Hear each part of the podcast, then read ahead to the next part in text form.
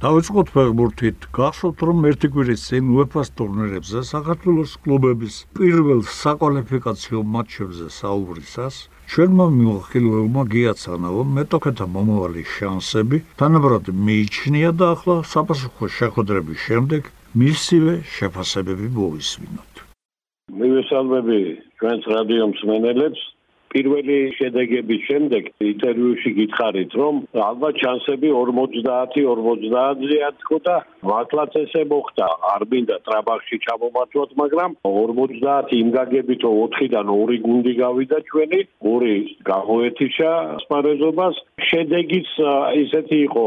სიმართლე გითხრათ მე სადაც უფრო სულს თამაშ ველოდი იმ გუნდებმა მხედველობაში მაგ დილა და ტორპედო კაცილებით უკეთესად ითამაშეს და შემდეგ ეტაპზე გავიდნენ და თბილისის დინამო და ბათუმის დინამო ვერ შეძლეს ამ ბარიერის გადალახვა და გამოიწიშნენ ასპარეზობას. რამდენიმე სიტყვით თამაშებზე ბათუმის დინამოს თამაში სტადიონზე ვნახე წინადღი თბილისის დინამო ვნახე ტელევიზორში და უნდა გითხრათ რომ გული დამწყდა ნუ ორ წუთში წააგო. ისეთი თამაში მეორე ტაიმი განსაკუთრებით სალიკარი იყო და ამდენი განიავებული მომენტი საერთოდ ასია ასეთ თამაშებში. უნდა შეგეძლოს ალბათ და უნდა მოახერხო უბრალოდ რამენაირად რომ გოლი არ გაუშვა. თორემ მე 11 იგი ფეხბურთელი დგება თავის აჯარიმოში კარებში და ძალიან ძნელი გატანა. ასე დაემართა თბილისის დინამოსაც, ასე დაემართა ბათუმის დინამოსაც. მოგითხრათ, რომ ცუდად ითამაშეს არ ვიქნები, სწორი.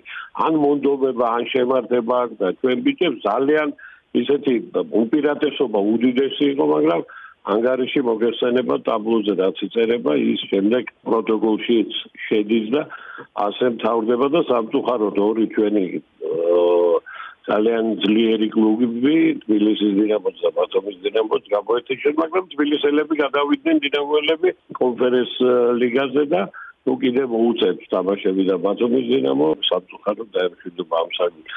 მინდა გამოვყო გორის დილას თამაში ან სტრედას, დუნაისკის სტრედას თელვა გადაცხადა, რომ ჩვენო იმედგაცრუებული ვართო და არ ველოდით ამ შედეგსო. ნუ ჩვენ ქართველები ვართ, ფეხბურთის თამაში ვიცით და ჩვენ შეგვიძლია ნებისმიერთან წავაგოთ და ნებისმიერს მოუგოთ. ასე რომ აქ მე ვფიქრობ, არაფერი გასაკვირი არ არის და ზუსტად ის 50-50-ზე რაც მე ვივარაუდე გამარჯდა და ჩვენ დასაბედნიერო და გასახარად დილა შემდეგ ეტაპზე გავიდა. ქუთაისის ტორპედოზე როა ვთქვა, არ შემიძლია ძალიან ნერვიულე ტელევიზიით ვნახე ეს თამაში და სულ სხვა ტორპედო ვიხდეთ სიმართლე გითხრა. მინდა ტაში დაუგრა თელ ქუთაისის ტორპედოზე და იმ ბიჭებს ვინც მინდორზე მართლა სისხლი დაღვარეს და არაფერი არ მიაკრეს ამ თამაშზე მართალია 120 წუთი თამაში მოუწიათ მაგრამ უთამაშებელ გუნდს ჩემპიონატი ჩვენთან არ დაწყებულა და წინვალე თამაში აჩვენეს და მე ძალიან დიდი იმედი გამიწდა რომ ქუთაისის ტორპედო არა მარტო ჩვენს პირობლობაზე იქეთაც თავის კლანჭებს გამოაჩენ. ძალიან გასახარია, რომ თამაშის ხარისხი გამოჩნდა როგორც ქუთაისში, ასევე გორში. ორივე დინამოზე მოგახსენეთ, რომ დასანანი წაგებები იყო, იმიტომ რომ ნამდვილად არ ემსახურებდა არც იმის დინამო და არც ბათუმის დინამო. მარცხს, მაგრამ ფეხბურთში ასე ხდება და ძალიან ხშირად ჩემპიონატიც ახლოვდება და ვფიქრობ, რომ გაცილებით საინტერესო იქნება ვიდრე წინა ჩემპიონატი, იმიტომ რომ გალაკაი გუნდებია და ჩანა რომ უკვე ჩემპიონატიც დაძაბული გამოდგება. დიდი მადლობა, კარგად გძანდება. იცით რომ სამხრეთ აფრიკის რესპუბლიკაში გამართულ სოფლიოს ახალგაზრდულ ჩემპიონატზე საქართველოს 20 ლამდელთან ნაკრებმა მერვე ადგილი დაიკავა და ჩვენი მორაგბეების ეს შედეგი და თამაშის ხარისხიც წინსulis პროგრესის დამადასტურებელია. საქართველოს დამსახურებული მწვრთნელი თემურ ბენდიაშვილი მოსალმები რადიოს მომენტს და გადმოგცემთ იმ სიტუაციას, რომელიც ქართულ რეგბიში არის ეხლა და რა წარმატებები ქონა და ისი იმედი გვაქვს კიდე მომავალში. პირველ რიგში არ შეიძლება რა ვნიშნოთ ჩვენი 4 წლიანების ბიჭების კარგი თამაში და მუშაობა წელების ბავშვების და სულ ყველას ვიცარი.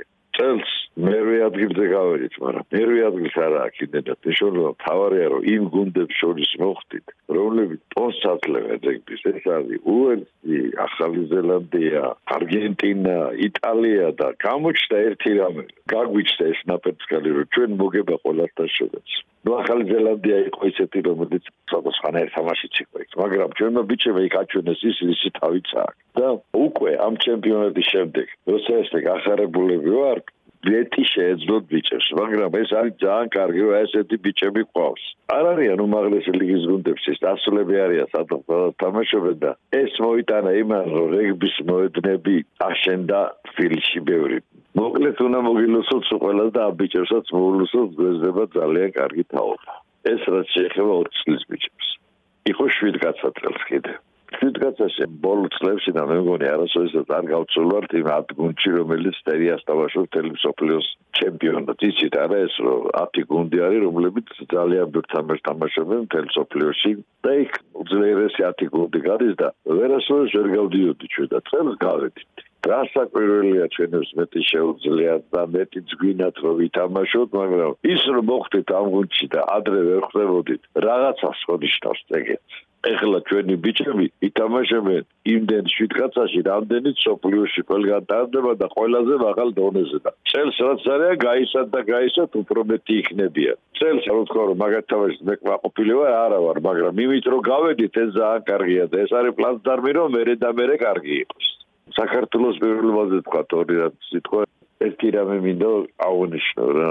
საქართველოს პირველობაზე მე თამაში არ არის ისეთი დონის ჩვენ რო გვინდა მაგრამ ფინალი სადაც ითამაშეს ბათუმლებმა და რუსთაველებმა იყო ნამდვილად მაღალი ტონის. რეგბი და იყო ტემპი რომელიც საქართველოს პირველობაზე ადრე ეგ ტემპი არ იყო ძალიან ნელ-ნელა მაგრამ საქართველოს ჩემპიონატიც მიდის წინ და ეხლა მთავარი რაც არის რასიზმს ჩვენი ეროვნული ნაკრები ძალიან კაი კოლექტივია შექმნილი და ძალიან პროფესიონალურად მუშაობენ. ეს დიდი შრომის შემდეგ ჩელენჯ კაპზე გასული გუნდი და ის რა პირობებსაც აკავაყოფილებდეს უნდა? ძალიან მაღალი დონეა და ჩვენთან ეგეთი გუნდები არ იყო.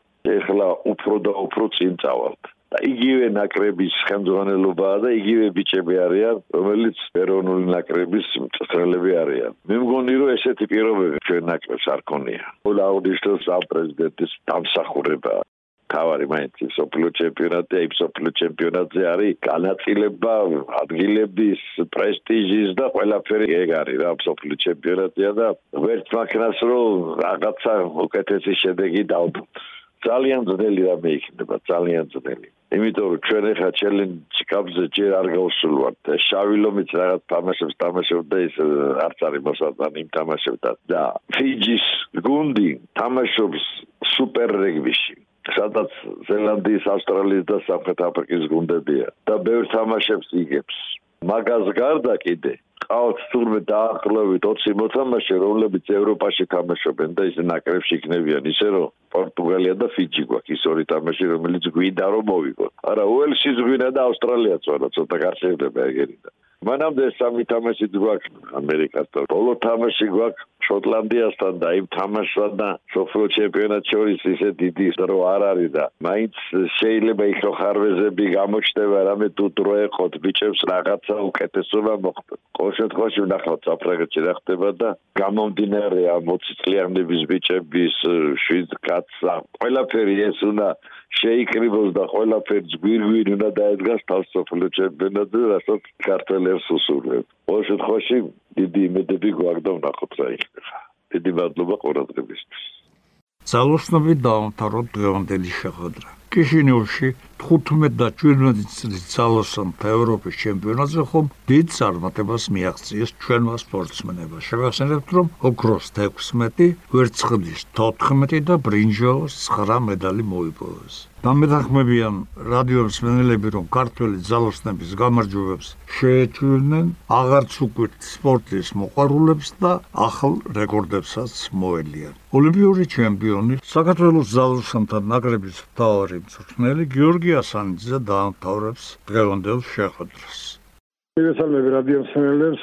მინდა გამოეხმაო ჩვენი კადეტების გამოსვლა ევროპის ჩემპიონატზე მართალია ჩემი ასაკობრივი ჯგუფი არ არის, თუმცა ჩვენი ფედერაცია მწვრთნელთა корпуსი შეკრულია და ერთიანად გადის იმ საერთო გეგმას, რომელიც ჩვენი წარმატებისთვის არის საჭირო. მინდა აღვნიშნო, რომ მოლდოვაში გამართული ევროპის ჩემპიონატი იყო ტრიუმფალური, იყო სარეკორდო, იყო მოულოდნელობის დახსავსე, ვინაიდან ყველა წაგრძელმა სპორტსმენმა მოიპოვა მედალი, ეს არის უპროცენტო შემთხვევა, ჯამში მოპოვებული იქნა 39 მედალი, ეს არის ის მომავლის გუნდი, რომელზედაც 5-6 წელიწად წელიწადში ქართული ძალოსნობის ახალი გუნდი იქნება ფაქტიურად, ვინაიდან ეს ბავშვები არიან 15, 16, 17 წლის და იმედიანად უყურებთ, ვინაიდან ესეთი ტენდენცია ბოლო პერიოდში კი არა საერთოდ არ ყოფილა მეგონი საქართველოს. ამიტომ მადლობა ყველას, ვინც ჩვენ თანადგომით არის გაწვეული ამ შემთხვევაში. პირდაპირ შეგვიძლია კიდევ ერთხელ და მილიონჯერ მოუხადო საქართველოს ეროვნულ ძალოსნობის ფედერაციას მადლობა იმისთვის, რომ ასე შეთანხმებულად მუშაობს ყველა რგოლი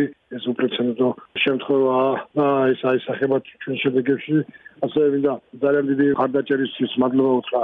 სპორტისა და კულტურის სამინისტროს ვინაიდან არ შეიძლება ასეთი სახელმწიფოებრივი საკითხებზე რომ არ იყოს ჩართულობა მაღალი ჩვენი უცხების და პირიქით ეს აისახება შედეგებში ეხანაც აღნიშნე და ყველა იმ რგოლს ვინც გვიდგას გვერდში ეს არის უამრავი კერძო პირი უამრავი კომპანია და სხვადასხვა ადამიანები, თუმცა ყველაზე დიდი ჩვენთვის დამაფიქრებელი და გასათვალისწინებელია. ჩვენი ქვეყანა, ჩვენი გულშემატკივარი, ვინაიდან ყველა მოუთმენლანთელის ჩვენ წარმატებას და ქართული სპორტის წარმატებას და ამიტომ მინდა ყველა სპორტის წარმატება უსურო და შესაძლო უსურო და კიდევ და კიდევ ჩვენ კადეტთა ნაკრებს საომავლოდ უფრო მეტი და მეტი წარმატებების მიეღწიოს წელს მათმა ჩაანთავრეს ყველა ღონისძიება, თუმცა ღონისძიებები გრძელდება და ფაქტიურად კარს არის მომდგარი სულ რამოდენიმე დღეში მეუგზარავით ევროპის ჩემპიონატზე ახალგაზრდებს შორის და 23 წლამდე შორის, სადაც ორი გუნდი წარდგება, როგორც 20 წლამდე, ასევე 23 წლამდე. ველოდებით კარგ შედეგს, ძალიან ბევრ მედლებს, რამოდენიმე დღე დარჩენილ და დარწმუნებულია თქვენ თვალყურს ადევნებთ ჩვენ გამოსვლას ამ ღონისძიებაზე. ევროპის ჩემპიონატის შემდეგ ერთ თვეში უკვე გვაქვს სოფლის ჩემპიონატი დიდებში, რომელიც გამართება საუდის არაბეთში. მოგესალმებით. სალიცენზიო წელია და ყველაზე მთავარი აქცენტი გადატანილია ლიცენზიების მოპოვებაზე. შეიცვალა მოპოვების სისტემა, სარეიტინგო კულებზია, როგორც ამ შემთხვევაში არის ძიუდოში და ახლობებით აი ესეთი სტილის ლიცენზია გათამაშდება. ამიტომ პირველი ამოცანა არის ლიცენზიები, თუმცა ლიცენზიებთან ერთად ასევე ის ფორმატების უნდობინი, რომელიც გვაქვს, რა თქმა უნდა, როგორც პატარა წონებში, ასევე განსაკუთრებით ძიმეწონაში და თავარი მიზანი იქნება ძიმეწონაში ლაშას ტიტულის შენარჩუნება, ლიცენზიების კიდევ ერთხელ მოპოვება და უკვე სამზადისი დასკვნითი ბაზა შემდეგ ოლიმპიური თამაშების. ეს არის ის უახლოესი მოკლე გეგმა, რომელიც სულ ორ თვეში არის ამ ღონისძიებების თარიღები და მოუთმენლად და რუდუნების ქვეშვად ვინაიდან იცით რომ შრომაში მოდის ყველა შედეგი და ამიტომ არ დავაგნებ ამ დღეებს იმისთვის რომ აღარ შედეგებზე იყოს ჩვენი გუნდი. მანაჩენად მზათა ვართ ზოლისტის შემართება არ გვაკლია, ამას ემატება ხარდაჭერა სახელმწიფოს ამას ემატება სამედიცინო ჯგუფის. კიდევ უფრო გააქტიურება, ვინაიდან მოგესალმებით, რაც უფრო მაღალია შედეგები, მით უფრო რისკები მაღალია და ამ ყველაფერს შეიძლება დროული რეაბილიტაცია, დროული პასუხები და შეთანხმებული მუშაობა ქართულ სპორტში წლები არ ყოფილი და მე ვფიქრობ, რომ სწორედ ეს არის ფაქტორი წარმატებისა, ვიდებით სიხარულს და იმედების ასრულებას, ვინაიდან ქართული ძალოსნობიდან ელიან მაღალ შედეგებს და არ გვინდა რომ ეს ჩვენი მოლოდინი სპორტის გულშემატკივრებს გაუცროთ, ამიტომ დავიმარჯვეთ მეჯერა და კიდევ ბერძნულ ასახილო ჩვენ